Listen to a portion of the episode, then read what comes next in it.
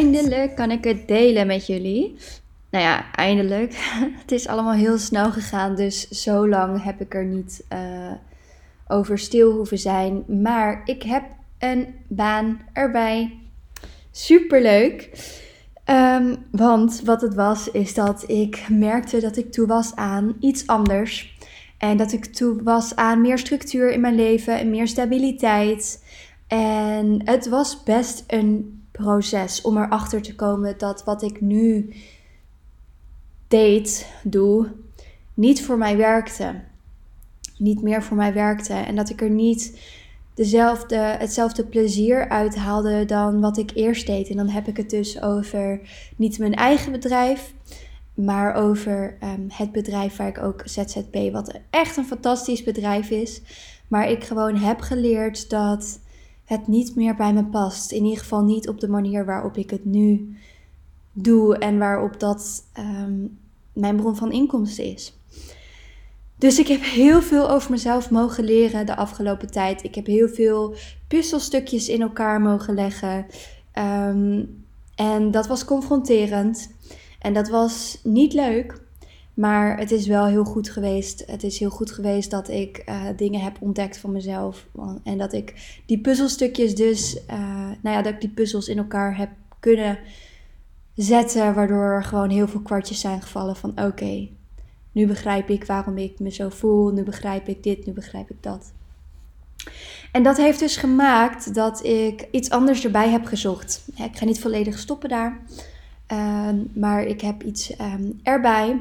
En dat is een hele andere functie. Maar ik heb er zoveel zin in. En het geeft nu al zoveel rust. En er valt echt een last van mijn schouder. En.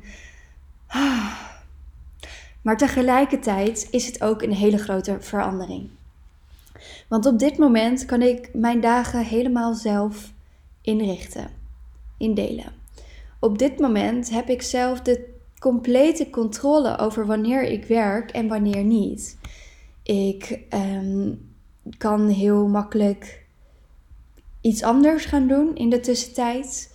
En ja, dat eigenlijk. Maar ik merkte dus laatst dat het mijn valkuil was. Dat het niet. Dat ik dacht dat het natuurlijk een soort van ideaalbeeld is van oh je eigen tijd indelen, lekker, uh, lekker doen wat je wilt en zo. En dat, dat is voor heel veel mensen zo. Maar voor mij werkt dat niet zo goed. Maar dat maakt dus wel dat ik nu een baan heb waarbij ik gewoon vaste tijden werk in loondienst. Dat is gewoon afgesproken. Uh, en ook uh, deels op kantoor, zeker aan het begin grotendeels op kantoor. En vroeg in de auto zitten en uh, in de spits weer terug. En gewoon het werk is heel anders. En dat is een ontzettend grote verandering. Zelfs een grote verandering die ik nog nooit eerder in mijn leven heb gehad op die manier. Ik heb wel bijbaantjes gehad. Ik heb uh, wel in winkels gewerkt en dat soort dingen. En restaurants. Maar op deze manier heb ik nog nooit gewerkt. Dus ik ga ook niet weten hoe ik het ga vinden. En dan speelt mijn ego op. Dan komt het dichtbij. Want eerst dan um, zie je de vacature en denk je: oh, dit is echt perfect en uh, dat allemaal. En dan hoe dichterbij je komt, hoe spannender het ook wordt. En nu heb ik redelijk wat zelfkennis en herken ik het en denk ik, ha, dit gaan we mooi niet doen. Dit gaan we niet saboteren. Het mag spannend zijn, dat is oké. Maar dit is mijn, is mijn situatie. En deze situatie kan zich ook heel makkelijk afspelen in een ander scenario. Wat bedoel ik daarmee? Wat ik veel zie om me heen en wat ik ook bij mezelf zag, is dat als het bijvoorbeeld gaat om afvallen of een gezonde leefstijl of hè, bepaald sportdoel of iets in die trant. Iets doen voor jezelf, je gezondheid of je lichaam. Het liefst natuurlijk allemaal. En dat wanneer je het een tijdje doet, aan het begin ben je misschien wel heel erg excited. Althans, dat is natuurlijk de bedoeling. Anders is het misschien sowieso uh, niet helemaal de goede aanpak. Maar als het goed is, heb je er veel zin in. Ben je excited en merk je na een tijdje ook echt wat het voor je kan doen. Je voelt je er goed bij, je hebt energie. Het wordt steeds makkelijker voor je om die dingen te doen. En je begint resultaten te zien. Nou, dat is natuurlijk ook fijn. Of dat nou resultaat is of in hoe ver je kan rennen, in hoe lang je kan rennen, in hoeveel je kan tillen. Of dat je aankomt wat je graag wilt, of dat je afvalt. Nou, wat het dan ook is, dat maakt verder even niet zoveel uit. En dat je je goed voelt en dan ga je nog een paar, nou, ga je nog een beetje door. En op een gegeven moment kom je dichterbij hetgene wat je had gewenst, wat je graag wilt. En dan begint de spanning toch wel op te lopen. Kunnen er toch wel weer overtuigingen langskomen. Hij kan dit toch niet volhouden. En dat soort dingen. Terwijl het gaat eigenlijk hartstikke goed. Maar omdat het zo spannend is dat je dicht bij dat doel komt, gaat je mind dat soort dingen tegen je zeggen. Ergens zou je het sabotage kunnen noemen, zelfsabotage. Maar hoe ik het zie, zou het net zo goed zelfbescherming kunnen zijn. Want wat het vaak is met dat soort doelen, en niet dat er wat mis mee is, maar ik zie heel veel dat er een bepaald gevoel, euforisch gevoel, wordt gekoppeld aan het behalen van dat doel. En het kan kloppen dat je je zo voelt. Maar op het moment dat je er dichtbij komt, dan kan je je zorgen gaan maken, bewust of onbewust, of dat gevoel daadwerkelijk wel komt. Of dat je straks wel een bepaald gewicht hebt behaald. Maar dat je nog steeds niet die zelfliefde ervaart zoals je dat had gehoopt. Dat je nog steeds niet die zelfzekerheid ervaart als dat je dat had gehoopt. Dat kan best tegenvallen. Het kan zelfs zijn dat je wel bij dat doel komt en dat je dan pas dat stemmetje hoort van, oh, maar is dit het dan? En, en wat nu dan? Van, ik kan het nu niet loslaten, want dan val ik weer terug. Dus eigenlijk dat euforische gevoel wat ik had bedacht van dit is het eindpunt en dan ben ik gelukkig. Dat gebeurt maar niet. En dan is het heel makkelijk om terug te vallen in bepaalde patronen, omdat het je tegenvalt, omdat ja, ergens toch dat stukje hè, zelfsabotage, zelfbescherming tegen een bepaald gevoel wat jij niet wilt voelen. En dan ga je dus hè, toch maar minder vaak naar de sportschool, ondanks dat je graag een bepaald gewicht wilde squatten. Je hebt toch wat vaker excuses, zodat je niet helemaal bij die 10 kilometer komt, 10 kilometer hardlopen, maar blijft hangen op 8 en dan de handdoek in de ring gooit, komt het toch weer wat te dichtbij. Hetzelfde geldt voor als je inderdaad merkt aan je lichaam dat je afvalt of aankomt net wat je wilt. Maar dat je inderdaad merkt van oké, ik ben nog steeds niet gelukkig. Of misschien vind ik het wel heel spannend om gelukkig te worden. En saboteer ik mezelf wel, onbewust. Misschien heb ik wel de overtuiging dat ik niet gelukkig kan zijn met mezelf. Waardoor ik nu toch maar weer elke avond even overdreven pizza ga bestellen. En ga stoppen met mijn meal prep. En ga stoppen met mijn smoothies. Maar dat ik terugval op mijn boterhammetje met chocopasta elke dag. Het is allemaal zonder oordeel. Maar als je dit herkent, denk ik wel dat het mooi is om hier even bij stil te staan. Wat maakt het dat jij elke keer met een goede intentie begint, met een goede intentie gaat? En elke keer wanneer het dichtbij komt, of je bent er zelfs al, val je toch weer terug. Ga je toch weer terugzitten in die oude patronen die jou helemaal niet meer dienen. Waar komt dat door? Wil je onbewust, of durf je onbewust niet gelukkig te zijn? Althans, geloof je niet dat je gelukkig kan zijn? Geloof je niet dat jij een bepaald doel kunt behalen? Heb je het gevoel dat het tegenvalt? Hè? Dat je dus dacht: oké, als ik dit en dit behaal, dan ben ik gelukkig. En je voelt het maar niet? raak je een soort van in paniek, word je onrustig omdat je nu daadwerkelijk hetgene wat gaat behalen, waarvan je altijd hebt gezegd dat je het wilde behalen, maar niet het gevoel hebt dat je het waard bent om dat doel te behalen. Ik denk dat het mooi is om jezelf dit af te vragen als je jezelf herkent in dit verhaal.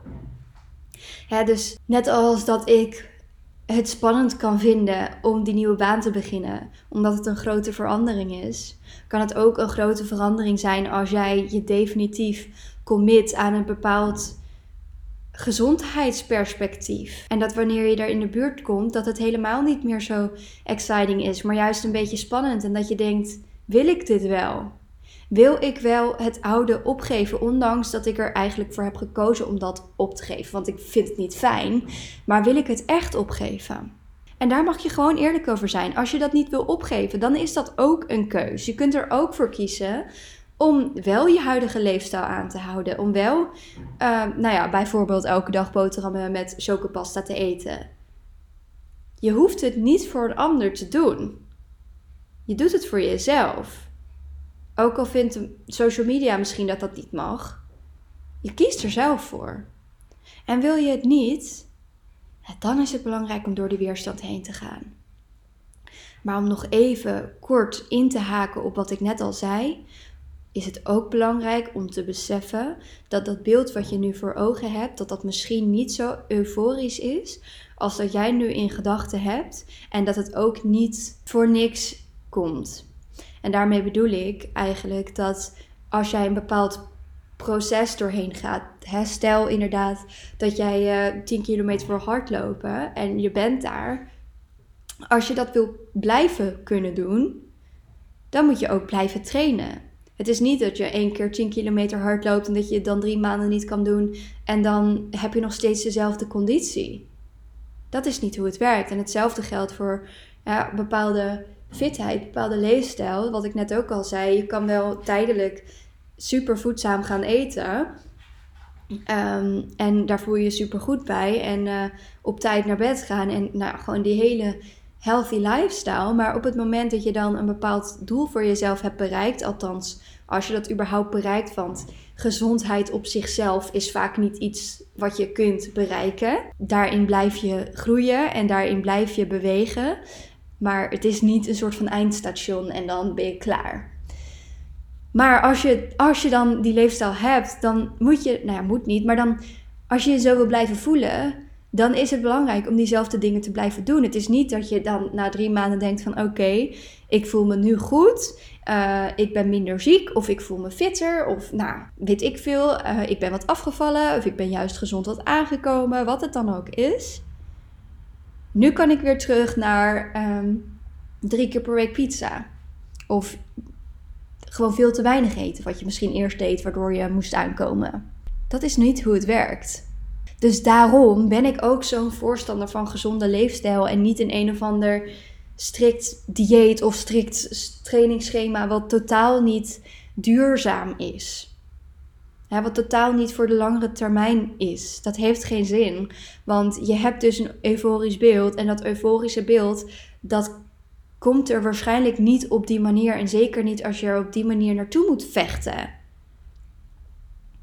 Terwijl als je een leefstijl voor jezelf creëert, stap voor stap, waar je je wel goed bij voelt, waarin er geen strenge restricties zijn, hè, waar je gewoon goed voor je lichaam zorgt, op ieder vlak. Dus niet alleen voeding, maar dus ook beweging, dus ook slaap, dus ook stress, dus ook al die dingen.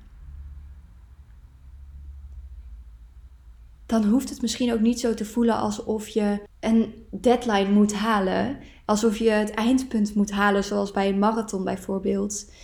En dan ben je klaar. Want wie zegt dat je er klaar mee wil zijn op het moment dat het een leefstijl is die goed voor jou voelt, waarmee je ook nog eens jouw doelen kunt behalen? Een beetje een groot chaotisch verhaal met meerdere aftakkingen. Dus ik hoop dat je een beetje begrijpt wat ik met dit verhaal bedoel. Maar die wilde ik je in ieder geval meegeven als metafoor. En ik hoop dat je er wat aan hebt. En mocht jij nou zelf struggelen met overeten, emotie eten, dat soort dingen. Ik heb er een e-book over gemaakt. Er zit nu nog 25% korting op. Dus voel je vooral vrij om even een kijkje te nemen. De link staat in de show notes. En als je het een waardevolle podcast vond, zou ik natuurlijk heel erg leuk vinden als je me op Spotify of op iTunes een sterrenreview zou willen geven. Als je, um, je deze podcast zou willen delen met je vrienden, familie. En natuurlijk als je het mij laat weten. Want ik heb gewoon geen idee wie er luistert. Er was laatst een Spotify Wrapped. Vond ik super leuk om te zien. Ik zag allemaal mensen van, oh, je staat bij zoveel mensen in de top uh, eh, 1. En zoveel mensen top 5, zoveel mensen top 8. Uh, eh, uit deze landen allemaal. Nou, ik vind het fantastisch leuk om te zien. Maar ik heb geen idee wie dat dan zijn. Dus als jij nou denkt: oké, ik ben eigenlijk een stille luisteraar, maar ik vind het wel echt een leuke podcast, dan waardeer ik het echt super erg als je even die moeite wil doen om dat, mij dat te laten weten. Um, want ja, dat, dat vind ik echt heel leuk. En dan weet ik ook waar ik het voor doe. Want nu praat ik gewoon tegen een computer en af en toe krijg ik wel eens leuke feedback. Maar over het algemeen praat ik gewoon tegen een computer. En ja, zie ik dat het geluisterd wordt, maar heb ik geen idee eh, wat, of mensen er wat aan hebben. Als iemand me dat dan laat weten, dat maakt me zo blij. En dan denk ik, yes, hier doe ik het voor. Dus lang verhaal kort, zou ik super leuk vinden. En uh, ja, tot, uh, ja, wanneer komt deze online? Ik denk vrijdag, tot na het weekend dan maar. Doei doei!